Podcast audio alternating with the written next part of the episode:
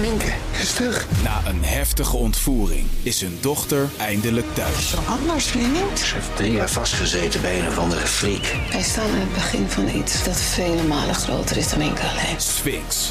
Ik ben nergens veilig. Vanaf 22 maart alleen bij Videoland. Dit is de podcast Politiek Dichtbij. Met Leendert Beekman en Tobias Den Hartog.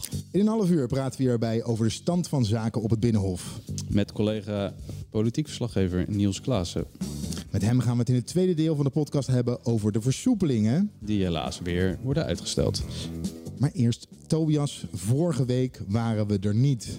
En dat na een week dat je er eigenlijk wel wil zijn. We staan voor aap. Echt totaal, maar dan ook totaal voor aap. Ja, we horen hier Hoekstra. Dit sloeg niet op ons. Dit was eh, tijdens het debat eh, over eh, de aantekeningen van de nou, oud-verkenners. De hele oude verkenners, zullen we maar zeggen. Ja, de oud, oud, oud. Oud-verkenners, ja. Ehm, ja. Een debat waarin het de vraag was, gaat Rutte het redden? Ja, ja, ja, kantje boord. Ja, kantje bord. Maar eerst, waarom waren we er niet, Tobias? Want vorige week was het natuurlijk Tweede Paasdag. Maar dachten, wat moeten we nou? We hadden al aangekondigd, we gaan toch een podcast maken. En toen waren we er niet. Ja. Eh, eerste paasdag hadden wij een afspraak staan. Tweede paasdag eh, was ik de hele week vrij vanaf dat moment. Ging niet door. Ja, coronabesmetting in huiselijke kring, ja, quarantaine en alles. Hè.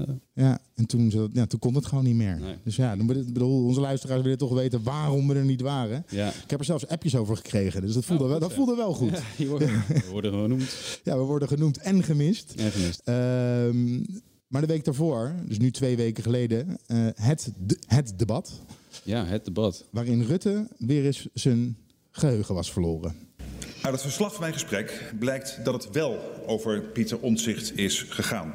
En dat roept terecht veel vragen over. Maar ik kan u dit zeggen. Ik heb naar eer en geweten de pers te woord gestaan. Over wat ik dacht wel en niet te hebben gezegd in dat gesprek bij de verkenners. Ik heb me dat achteraf verkeerd herinnerd. Ik betreur dat ten zeerste. Wat ik trouwens in mijn vrije dagen aan het doen was. Want eh, tijdens het debat was ik eigenlijk ook vrij. Maar ja, goed, je wil het toch eh, wil je het, eh, wil je het horen. Ik was met mijn badkamer bezig, mijn badkamer aan het verbouwen.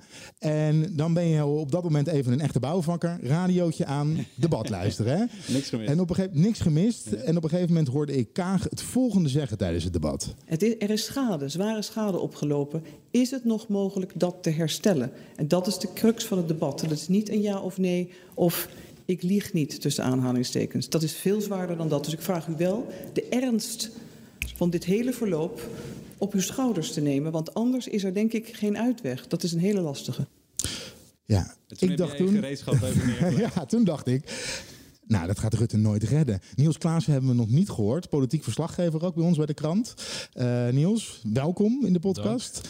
Dacht jij, wat dacht jij op dit moment? Ik dacht, nou, nu is het gebeurd. Als Kaag, de ook hè, een van de twee winnaars, zegt... eh, hè, u, u liegt niet tussen aanhalingstekens. Eh, ja, eh, ik dacht, hij redt het niet. Ja, zij kan wel tamelijk eh, scherp formuleren. En ook op zo'n toonhoogte dat je denkt van oef, dit gaat mis. Ze zei op een gegeven moment ook hier scheiden onze wegen. Dat vond ik wel een signaal en een waarschuwing. Ehm, maar tegelijkertijd, op dat moment dus inderdaad van oei, Rutte zit in de problemen. Eh, tegelijkertijd moet je dan altijd aan het eind van de dag nog even zien hoe moties worden ingediend en hoe wordt gestemd. Maar deze toon was niet, niet te missen eigenlijk. Zij was heel streng.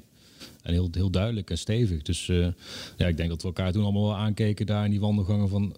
Dit is wel een van de weinige debatten waarvan je echt afvraagt of de premier de eindstreep haalt. Nou, ben je dan uiteindelijk alsnog verbaasd als hij die eindstreep wel haalt? Ja, op een gegeven moment voordat die avond en die dag en dan... Ja, je, je gaat een beetje, je slingert een beetje heen en weer. Hè, tussen, ja, hij tussen hoop en vrees en jij tussen hij zal wel weg moeten en hij zal wel kunnen blijven. En aan het- in de loop van de avond had ik wel zoiets dat hij veiliger was dan in de loop van de dag. Dus dat hij op een gegeven moment ja, een beetje minder, minder dicht bij het ravijn, bij de afgrond stond. Ja, met hoeveel verslaggevers lopen we dan er eigenlijk op dat moment rond tijdens zo'n debat? Want was jij in Den Haag? We waren ter plekke, ja, even kijken, met vier of vijf. Ja, dus er loopt eigenlijk bijna de hele politieke redactie Ja, daar, behalve Tobias Den Ja, Hart, ik toch? Want die zat in quarantaine, die zat wel te kijken. Ja, ja, ik heb ook meege- meegeschreven aan de verhalen. Ja, nee, dat is, dat is, dat is, kijk je, met, eh, met, eh, je kijkt natuurlijk naar eh, live NPO, dus dan zie je de debatbeelden. En dan hebben wij ook nog onze eigen cameramensen daar lopen. Die, hebben, die versturen dan een soort live link. Dus dan kan je thuis ook nog achter de schermen kan ik meekijken, zodat je elk quoteje eh, snel hoort en kan meeschrijven. Maar ja, dat is, het, was, het was wel echt politieke hoogspanning. Nou had Rutte natuurlijk wel één troef. Eh, het ging natuurlijk over, die, eh, over dat gespreksverslag eh, wat, waar Longeren mee liep te wapperen per ongeluk. Hè. En daar stond dan Pieter, Pieter Omtzigt functie elders. Nou, Rutte zei aanvankelijk van ik heb, ik heb nooit over Omtzigt gehad binnen de Kamers. Later bleek dat hij dat gelogen had. Geen actieve herinnering aan. Ja, dat, hij zei dat kon ik me dus niet meer herinneren. Nou ja, dat is een klassieketje als het, eh, eh, eh, van, van Rutte's kant. Maar hij had natuurlijk wel één troef. Hij had de dag voordat eh, die documenten openbaar werden... en dus bleek dat hij had gelogen...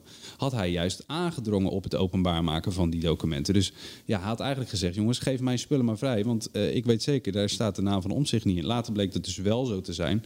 Maar ja, hij had dus wel een... een hij kon dus wel zeggen... ja jongens, als ik echt had gelogen... dan had ik wel gezegd... jongens, houd het allemaal geheim, dat spul. Ook dat van mij, die, die, die gespreksverslagen. Dus hij had wel ja, een soort van... ehm, ja, een beetje goodwill misschien in de Kamer. En ja, wat Niels ook zegt, aan het, aan het begin van de dag dachten we echt, eh, nou, dit, eh eh, zijn laatste uur is geslagen. En je ziet dat dan toch weer, naarmate de dag vordert, ja, in zijn voordeel veranderen. Ja, Rutte mag blijven. Ehm, dan wordt er ook nog een nieuwe Kamervoorzitter gekozen. Aangezien 70 de volstrekte meerderheid heeft behaald, is Vera Bergkamp gekozen tot de voorzitter van deze Kamer. Nou ja, eerste ronde, heel eervol. Mandaat, vertrouwen vanuit de Tweede Kamer. Eh, dankbaar voor, eh, voor het vertrouwen. Ja, Vera Bergkamp, D66, wint van onder andere de huidige of de vorige Kamervoorzitter die er toen zat, Ariep, van de Partij van de Arbeid. Er werd gespeculeerd, dit is een onderrondje. Dit is een goedmakertje voor wat er gebeurd is eh, vanuit de VVD richting D66. Is dat alleen maar, ja, is dat, gaat dat richting complotdenken of is dat eh, iets wat gebeurd kan zijn? Kaag heeft daar zelf best wel scherp op gereageerd. Want Ja. die kreeg die eh, verdachtmaking in het debat voor de voeten geworpen van Geert Wilders. Dat eh, liep even hoog op. Wilders zei dat inderdaad. Hè, van, heeft u contact gehad met Rutte vooraf aan deze verkiezing? En zo ja, want dat moest ze herkennen. Dan is dit allemaal gewoon afgetikt in de achterkamertje. Wat nou nieuw leiderschap was een beetje kort door de bocht zijn eh, verwijt. En zij was daar heel fel in. Ze zegt nee, ik heb wel contact gehad met Rutte over van alles. Ook bijvoorbeeld over corona. En dan heb ik genoemd dat wij waarschijnlijk een kandidaat hebben. Nou ja, dat leest eh, Wilders en ook Ploemen wel leest dat als van ja, dat is gewoon, eh, is gewoon afgetikt. en Ja. gedeeld en gewield. En wat wij horen ook bij andere partijen is dat ze al heel lang geleden al een keer elkaars potentiële kandidaten wel besproken hebben en hebben laten vallen. Zo van VVD, hebben jullie dan iemand die jullie bijvoorbeeld graag Kamervoorzitter zien worden? D66 hebben jullie dat, zoals dat eigenlijk gaat eh, binnen coalities. Dus er zijn wel toen namen gedropt. Maar ons is verteld, eh, nou ja, eh, daar moeten we het dan mee doen, dat het geen deal was. Dat het gewoon een vrije kwestie is. Dus dat ieder Kamerlid gewoon zelf mag weten op wie je stemt. Ja. En dan werd, je, je zei het net al, de nieuwe bestuurstijl, daar werd volop over gesproken. En daarvoor is er ook een nieuwe informateur aangewezen, Tobias. Ja. En dat is? Ja, de, de, de nieuwe oude informateur Herman Tjenk Willink. In deze fase van informatie zal ik morgen en overmorgen beginnen met gesprekken met alle fractievoorzitters. En dit keer van klein naar groot. Niet alleen omdat democratie inhoudt rekening houden met minderheden, maar ook omdat de voor de eerst gekozen Kamerleden de frisse blik hebben die nodig is om de andere bestuurstijl te ontwikkelen. Ja, dus eerst de kleine partijen die eh, langs mochten komen voor de frisse blik. Iedereen heeft zijn stijl. Eh, ik, ik, ik denk dat er natuurlijk een hoop veranderd is. Dus ik denk, ja, Jake Willink eh, vliegt het iets anders aan. Vorige keer ging het ook echt over van nou, wie zou jij in een kabinet willen zien? En hier ging het ook veel meer over nou ja, de bestuurscultuur die we voorstaan. Wat, wat moeten we doen om het vertrouwen te herstellen? Eh, hoe kunnen we ervoor zorgen dat ook daar de samenleving eh, dat vertrouwen hersteld wordt? Ehm, dus het was een andere soort, eh ander soortig gesprek. Ja, wie we hoorden was, eh, we hoorden Denk, we hoorden de, de Boerenpartij en we hoorden Volt. Ja.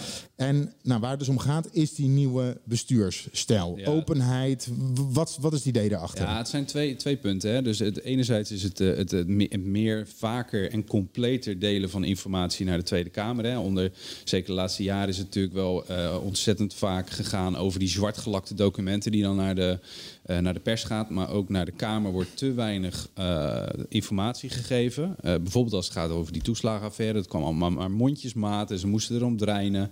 En dan kwam er weer een stuk wat eh, ja, eigenlijk veel eerder gedeeld had kunnen worden. Dus da- daar zit heel veel irritatie bij de, bij de Tweede Kamer. Het andere is, als een eh, formatie klaar is, komt er een, een eh, regeerakkoord. En dat is niet zelden 60, 70. Nou, we hebben het van de week opgezocht, en Niels. eh, die, dat zijn echt vuistdikke telefoonboeken vol met afspraken.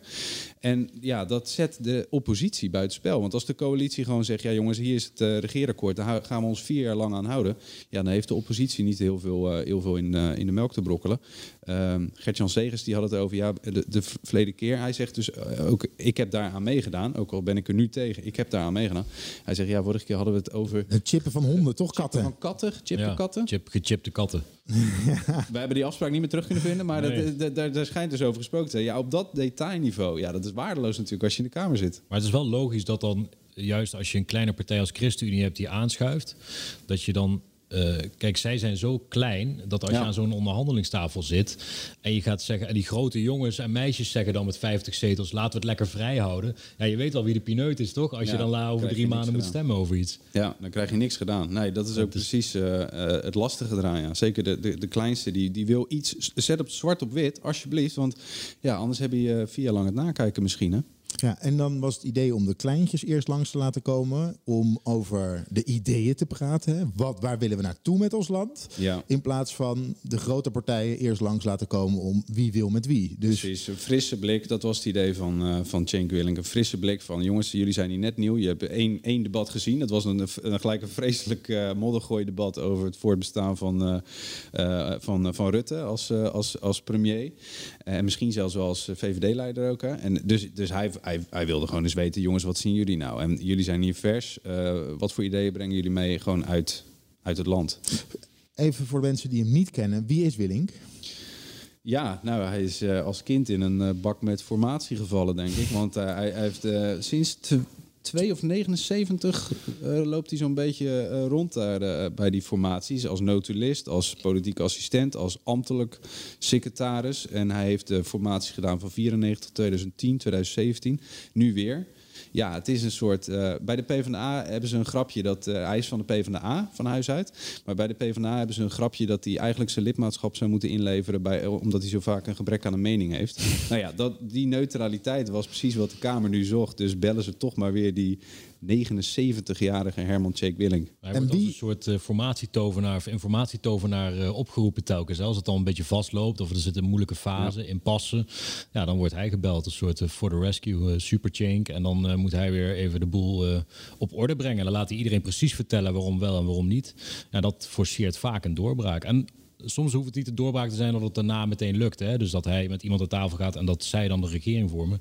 Maar soms is het ook juist het afstrepen van iemand of een partij. Hè? Dat het even duidelijk wordt van oké, dit kan echt niet. En niet omdat je een keer wat roept in de krant, maar gewoon omdat je hier en hier en hier formuleert dat het zo niet gaat. Ja. Dat is ook winst. En voordat hij naar binnen ging, wie had als eerst gelijk kritiek op deze aanstelling? Op deze man? Ja, wie anders? Onze democratie werkt niet goed en dat komt door die coalitieakkoorden, dat komt door die regeerbesprekingen. En ik ga tegen de kartelkardinaal zeggen dat dat nou eens afgelopen moet zijn. U zei net dat ik laat was. Nou, als hij nu tot het inzicht komt dat het inderdaad al 40, 50 jaar niet goed functioneert, dan is hij ook rijkelijk laat. Maar ik blijf iedereen altijd een open kans geven. De, de kartelkardinaal.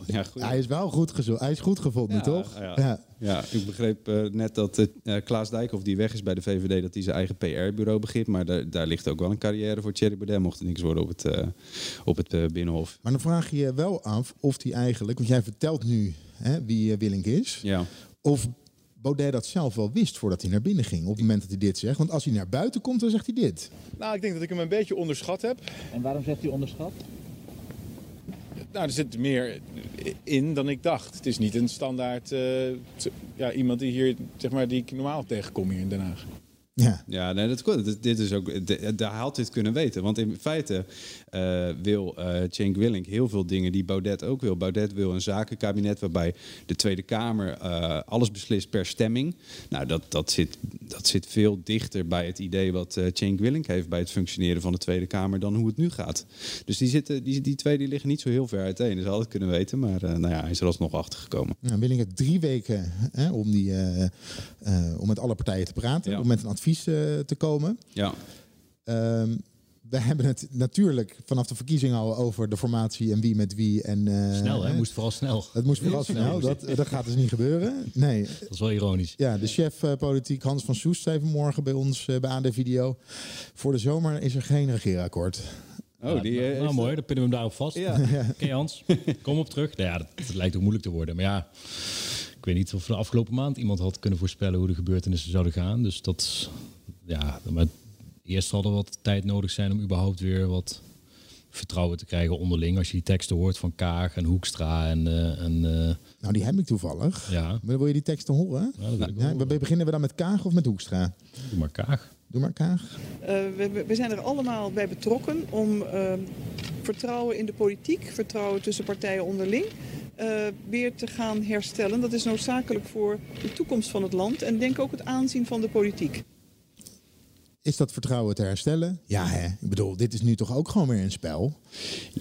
Ja en nee. Het, dat, in het paasweekend ging het heel hard. Hè? Eh, ChristenUnie-leider Gert-Jan Zegers die zei... na het debat, de, Rutte had het debat overleefd. Er was een motie van wantrouwen geweest. Eh, de enige steun die hij overeind had gehouden... dat was van de VVD zelf, hè, van zijn eigen partij. En er was een motie van afkeuring... die ook door eh, D66 en het CDA was, was gesteund. Dus je zou kunnen zeggen, politiek was die klaar op dat moment. Want ja, wie wilde nog met iemand samenwerken? Nou, Gert-Jan Segers zegt een dag later... ik wil niet meer in een kabinet met eh, eh, Rutte. Ehm, vervolgens zegt de leider van de SP dat ook, Lilian Marijnissen. En, en toen, toen dreigde er zoiets... eh, ja, domino-steentjes die vallen. Er dreigde iets te ontstaan dat Rutte helemaal buitenspel zou komen staan. En dat is toch ook weer niet gebeurd? Daar is geen opvolging aan geweest. En Nee. wij, wij zagen Segers naar buiten komen. Die stond ineens een klein beetje alleen met zijn harde uitsluiting. Ja. ja, het gekke is dat op die donderdag, die nacht van donderdag op vrijdag, worden er zeg maar een gele en een rode kaart uitgedeeld. Die rode kaart, die motie van wantrouwen haalt net geen meerderheid. Dus Rutte denkt ook gewoon politiek koppen tellen. Oef, ik heb, het, ik, heb het, ik heb de finish gehaald. Vervolgens worden de gele kaarten uitgedeeld door Kaag en Hoekstra met een forse bijsluiter. Kaag zei letterlijk, ja goed, als de motie van afkeuring naar mij werd eh, uitgesproken, zou ik zelf opgestapt zijn. Oké, dat was weer een wending. Toen dacht je, nou, oké, Rutte is dus nog niet veilig. Maar ja, dat, dat kantelde inderdaad. Het VVD bracht alle kanonnen in stelling. De een na de andere partijprominent op ons verzoek, hoor, want wij vragen dan, wat Ja. vinden jullie ervan? En verdedigde Rutte, ging als één man en één vrouw om, eh, om Rutte staan.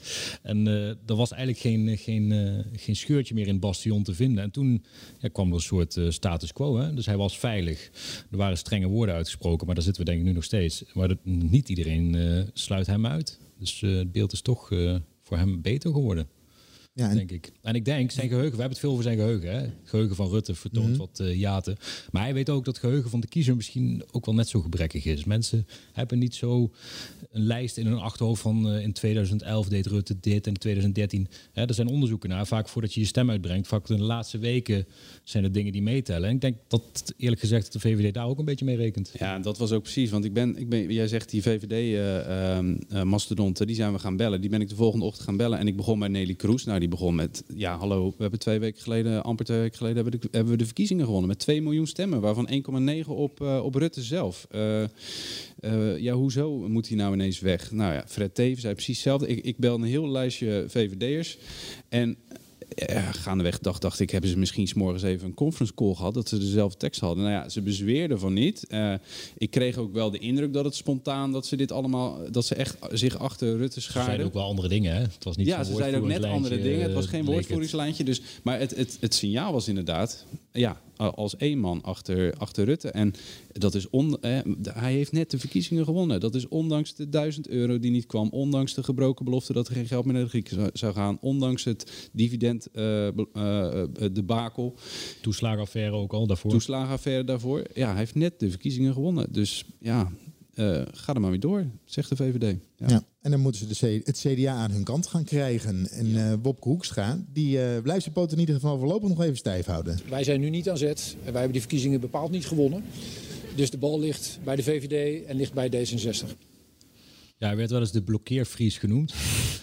Ja, dat, dat is een term van een paar jaar geleden, hè, omdat hij dingen tegenhield. Maar hij is nu een beetje de, de, de wil niet wopke, want er zijn ook eh, nota's uitgelekt, daar hebben we het nog niet over gehad, uit die stadhouderskamer, uit die eerste verkenningsronde. En elke partij moest daar even vertellen wat je vindt je van migratie en wat vind je van klimaat en, en hoe moeten we dat doen met, eh, met de stikstof. En iedereen begint daar te kakelen tegen Jorisma en Ollongren. En er zit één iemand die daar blijkbaar gewoon met zijn armen over elkaar en in de lucht staat. Dat was Wopke Hoekstra, die liet niks zien. Dus het CDA heeft geen kaart op tafel gelegd, als enige partij volgens Ja. mij, in die, eh, in die eerste ronde hè, waar ik het nu over heb. Dus iedereen heeft zich in de kaart laten kijken. GroenLinks-leider Klaver, zeggen critici, heeft totale uitverkoop gehouden. Zegt, wij willen gewoon meedoen. Nou ja, Maakt niet uit wat. Maakt niet uit hoe en Ja. wat. CDA heeft het tegenovergestelde gedaan. Dat is denk ik een geluk bij een ongeluk. Ik denk dat de Hoekstra, eh, ze zeggen daar nu zelf niet veel over, maar het CDA zit een beetje moeilijk. Want Pieter Omtzigt zit, hè, zoals je weet, overwerkt thuis. Stemmenkanon heeft vier of vijf zetels op eigen kracht binnengebracht. Maar staat toch wel voor een iets andere koers lijkt het dan de leider, Wopke Hoekstra. Dus CDA, voordat zij aan boord kunnen komen bij een formatie, zullen zij eerst intern zeg maar, die brand tussen die beiden moeten blussen. Want anders kun je natuurlijk niet onderhandelen. Want ja, met welk CDA, stel ik ben Rutte of ik ben Kaag, met welk CDA zit ik nou aan die tafel? Het ging allemaal om het zinnetje functie elders en over ehm, Pieter Omzicht. Die functie elders in ieder geval, eh, de functie die hij niet moet hebben of die mensen liever niet voor hem zien, is die van fractievoorzitter. Want hij is de nummer twee op de lijst. Hij, zoals je zegt, met veel voorkeurstemmen is hij in de Kamer gekomen. Hoekstra zal minister willen worden. Ehm, dan wordt hij fractievoorzitter. Dat, dat kan toch bijna Nou, niet anders? Dat is niet gezegd hoor. Dat zou, het zou kunnen dat hij dat wil en dat dat zo uitpakt. Maar het is niet per se zo dat de nummer twee, hè, als iemand doorschuift, fractieleider wordt. Ehm, ik denk dat, dat heeft CDA zelf ook gezegd. Ze willen vooral dat omzicht een, een functie krijgt die hem eh, recht doet en waar hij zelf heel veel zin in heeft, waar hij je tanden in kan zetten. Om zichzelf heeft vaak laten weten dat hij vooral een Kamerlid is. Hè? Controleur van de macht, hè? luis in de pels. Dus ze willen hem gewoon niet als Kamerlid nog Nou, steeds. ik denk dat hij, hij zelf communiceert nu niet, maar ik denk dat hij zelf heel graag gewoon volksvertegenwoordiger blijft. Ja, dat denk ik ook. Eh, misschien niet eens als fractieleider. Het probleem is dat het CDA dat niet echt weet van hem. Hij laat het zelf niet merken. Dus zij zitten nu in een soort van. Dus het CDA, waar, waar, waar- hoe we hier in, Ja. Het CDA moet eerst weten wat doen we met omzicht. Nou ja, wat, doen gaat we? hij Nou doen? ja, wat, wil eh, hij? Wat, wil hij? Wat wil hij zelf? Wat, en, en daarna kunnen ze pas verder gaan praten in. eh, Kijk, niet onbelangrijk detail bijvoorbeeld. Er werd gestemd over en vergaderd over die motie van wantrouwen, die rode kaart. Elke fractie ging terug en dat was, hè, wij liepen er allemaal achteraan met eh, tientallen journalisten. Wat gaan ze doen? Nou, het CDA heeft daar een heel belangrijke stem niet kunnen horen. Wat vond bijvoorbeeld Pieter Omtzigt van die motie van wantrouwen? Hij was de bekendste Rutte-criticas ongeveer uit de, uit de Kamer. Wilde hij nou die motie steunen of niet? Dat weten ze niet, want hij zit ziek thuis. Dat soort onbekende eh, feiten is wel heel ja, moeilijk voor het CDA. Daar, daar, ik denk dat zij eerst echt willen dat Pieter Omtzigt duidelijk maakt hoe die erin zit. Voordat zij überhaupt met Cenk Willink of iemand anders gaan praten. Ja, stel, je, stel je voor dat Hoekstra zegt, nou, ik, eh, ik voelde wel voor, ik ga wel met eh, Rutte en Kaag. en, en een dag later zegt uh, zich, nou, wat die jongen nou zich nou allemaal in het hoofd haalt, dat gaan we dus echt niet doen. Ja, dat scheurt die partij eh, ter plekke in tweeën. Dat is voor, voor de VVD D66 een probleem, maar voor het CDA natuurlijk een gigantisch probleem. Dus dat is wel echt, ja... de- In, in die zin is het dat, dat hele stilstand van, eh, van Wopke, dat, dat pakt nu wel goed uit. Want ze kopen tijd om de, de brand binnen te blussen. ja, maar eh, de informateur, Willink, die moet het binnen nu, binnen twee weken, moet hij het in ieder geval eh, afgetikt hebben. Dan moet het CDA iets laten horen. Nou helpt het, dat, en dat is de escape die ze allemaal graag met beide handen aangrijpen, dat we het eerst over de inhoud gaan hebben. Hè? Dat is tenminste het doel van Kaag had het daar altijd over, Secret Kaag van D66. We gaan het eerst over inhoud hebben, dan pas over wie met wie en poppetjes. Rutte, die, die, daar hoor je die echo nou ook. En Wopke Hoekstra zal zich daar ook heel erg zo lang bij voelen, want zolang je het over inhoud kunt hebben, nieuwe bestuurscultuur, open transparantie, eh, klimaat, hoef je het niet over dit soort netelige personeelskwesties te hebben, die uiteindelijk natuurlijk aan bod komen.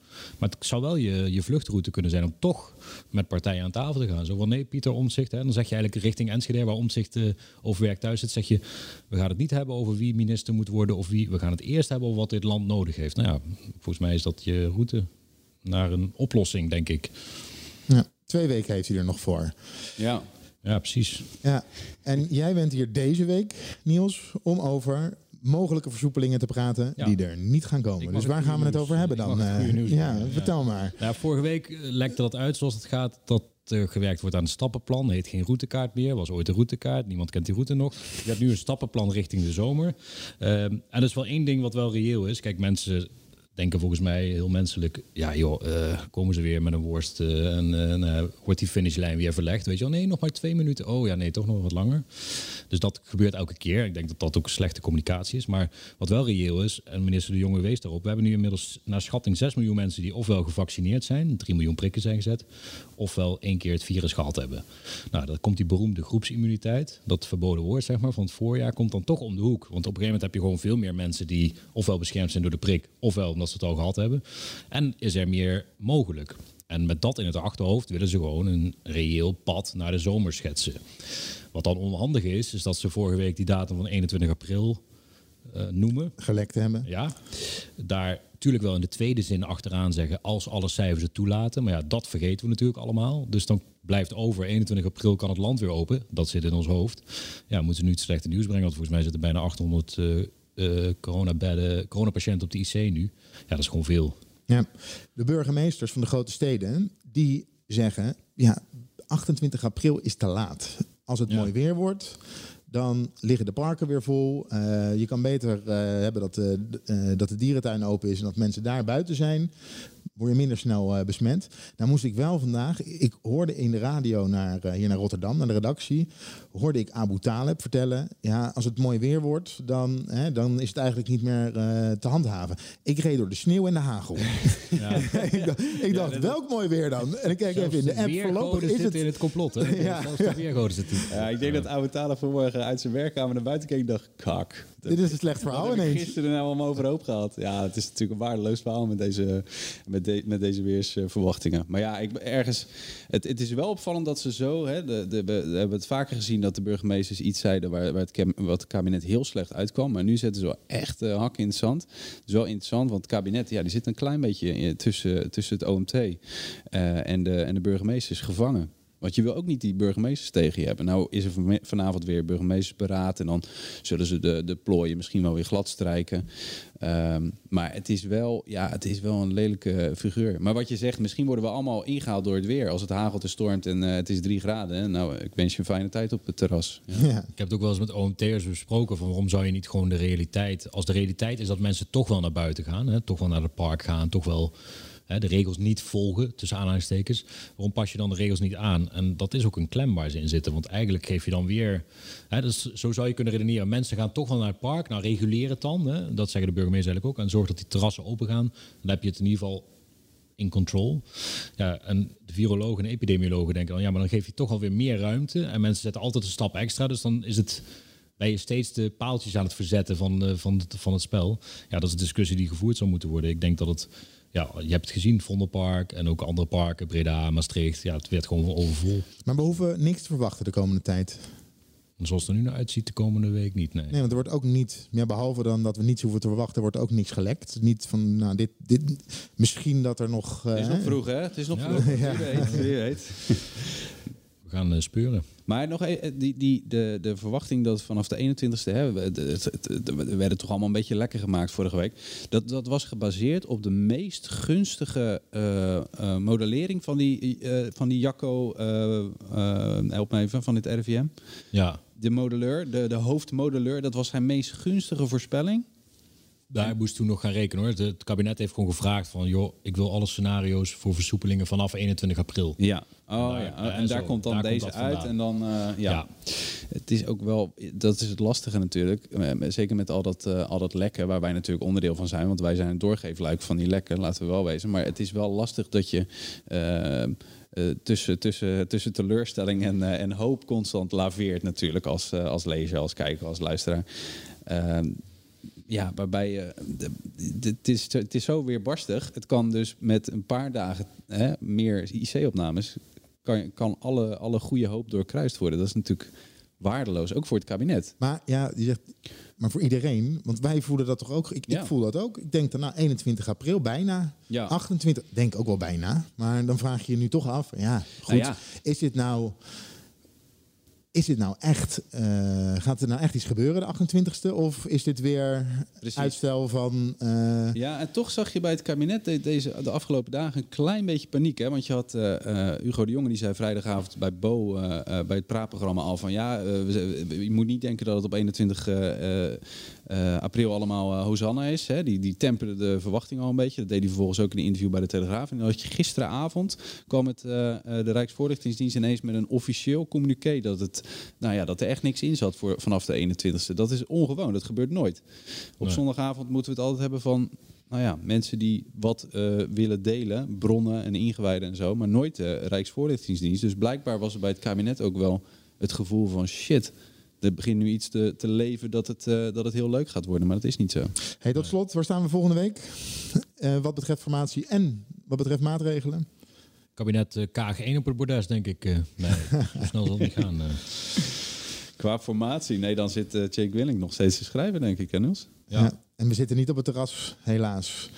Tot zover deze podcast. Niels Klaassen, voor de tweede keer bij ons in de podcast. Politiek verslaggever voor, voor onze krant. En eh, Tobias en Hartog, dezelfde functie, dezelfde krant. Dankjewel dat jullie er waren. Abonneer je nou voor deze podcast als je dat leuk vindt. Want dat vinden wij weer leuk. Eh, dat kan natuurlijk bij Spotify en bij Apple Podcast. Maar je kan de podcast natuurlijk ook gewoon luisteren bij ons op de site. Bedankt. Sommige gebeurtenissen zijn niet in woorden te vatten. Dit is zo'n gebeurtenis. Het was een pikzwarte dag. Ik was hier toen nog voor, voordat de linten er waren, was ik hier. En ik heb op weg hierheen heb ik mijn ouders gebeld. Die gaan ook altijd op zaterdag boodschappen doen in de Ridderhof. En vlak bij het politiebureau heb ik de auto neergepakt, want verder kon ik al niet meer. Het was één grote sirenezee op dat moment al. Dit zijn Carla en Marco, verslaggevers bij het AD. Samen gaan ze terug naar winkelcentrum De Ridderhof in Alphen aan de Rijn. En proberen ze tien jaar later te begrijpen wat er gebeurd is. Nou, je kijkt naar links toe en je ziet gewoon eh, twee mensen op de grond liggen, beweegloos. Dan daarna zie je een jongeman eh ja, op je afkomen met een mitrailleur. Wat was Tristan voor jongen? Hoe groeide hij op? En wat dreef hem tot zijn daad? Precies tien jaar na die pikzwarte dag proberen Carla en Marco de puzzel te leggen. Dan zie je ook dat de pagina's die we eigenlijk besteden aan wat er slecht is, wat er mis is gegaan, op een gegeven moment langer dan wat er goed is gegaan. Veel meer. De podcast Wat dreef Tristan is nu te beluisteren via je favoriete podcast-app en via ad.nl/podcast.